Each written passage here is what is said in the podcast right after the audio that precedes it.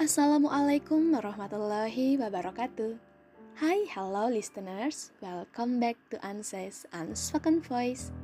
Sesuai dengan judulnya, sekarang aku akan membahas mengenai episode terakhir dari bimbingan konseling perkembangan tugas perkembangan, yaitu tugas perkembangan dewasa. Masa dewasa ialah masa awal dan masa sulit seseorang individu dalam menyesuaikan dirinya terhadap kehidupan baru dan harapan sosial barunya. Pada masa ini, seorang individu dituntut untuk melepaskan ketergantungan kepada orang tua dan berusaha untuk mandiri sebagai manusia dewasa. Ada beberapa faktor yang mempengaruhi perkembangan manusia dewasa menurut Elizabeth B. Herlock, yaitu yang pertama, masa dewasa awal. Masa ini berkisar antara umur 21 sampai 40 tahun. Di masa ini merupakan masa pencarian kemantapan dan masa reproduktif yaitu suatu masa yang penuh dengan masalah dan ketegangan emosional periode isolasi sosial, periode komitmen dan masa ketergantungan, perubahan nilai-nilai, kreativitas, dan penyesuaian diri pada suatu hidup yang baru. Yang kedua, masa dewasa madya. Masa dewasa madya ini berlangsung dari umur 40 sampai 60 tahun. Masa dewasa madya ini masa transisi di mana pria dan wanita meninggalkan ciri-ciri jasmani dan perilaku masa dewasanya, dan memasuki suatu periode dalam kehidupan dengan ciri-ciri jasmani dan perilaku yang baru. Yang ketiga, masa dewasa lanjut. Masa ini dimulai dari umur 60 tahun sampai akhir hayat. Usia lanjut ialah periode penutup dalam rentang hidup seseorang yang ditandai oleh adanya perubahan yang bersifat fisik dan psikologis yang semakin menurun. Tugas perkembangan pada dewasa terbagi menjadi tiga fase, yaitu dewasa muda, dewasa, dan usia lanjut. Pada dewasa muda, tugas-tugas perkembangan yang harus diselesaikan individu adalah pertama, memilih pasangan hidup. Kedua, belajar hidup bersama pasangan hidup. Ketiga, memulai hidup berkeluarga.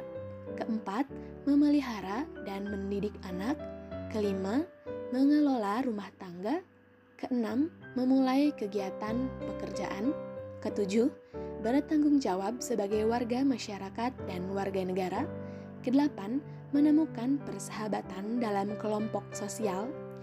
Nah, pada tugas-tugas perkembangan usia dewasa, yaitu pertama, memiliki tanggung jawab sosial dan kenegaraan sebagai orang dewasa.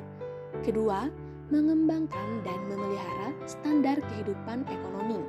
Ketiga, membimbing anak dan remaja agar menjadi orang dewasa yang bertanggung jawab dan berbahagia.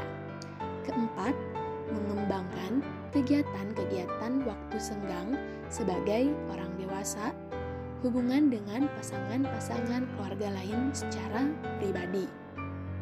Kelima, menerima dan menyesuaikan diri dengan perubahan-perubahan fisik sebagai orang setengah baya.